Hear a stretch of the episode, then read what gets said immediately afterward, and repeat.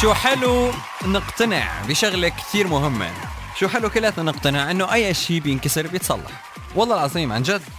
أي شيء بينكسر بيتصلح. أي شيء بنخسره ممكن إنه يتعوض بطريقة أو بأخرى. في ناس تقول لك لا والله في شيء إذا انكسر ما بيتصلح. غلط. غلط.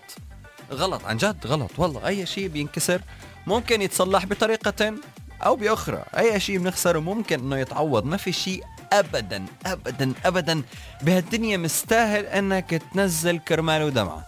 ما في شيء بهالدنيا كلها مستاهل إنك تزعل كرماله. ما في شيء بهالدنيا مستاهل إنك تنقهر علشانه إلا شغلة واحدة.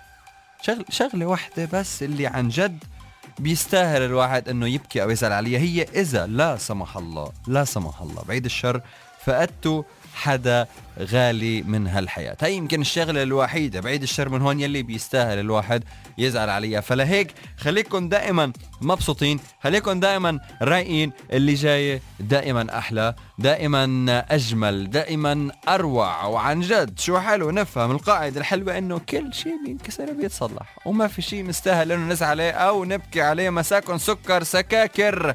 مساكن ولا أحلى من هيك. نيكست أخبار كرة القدم. إيه بعدها بعدها في كرة قدم بس من ناحية أخرى. مساكن حلوة عم تسمعوا 99 العربية الموسيقى أولا.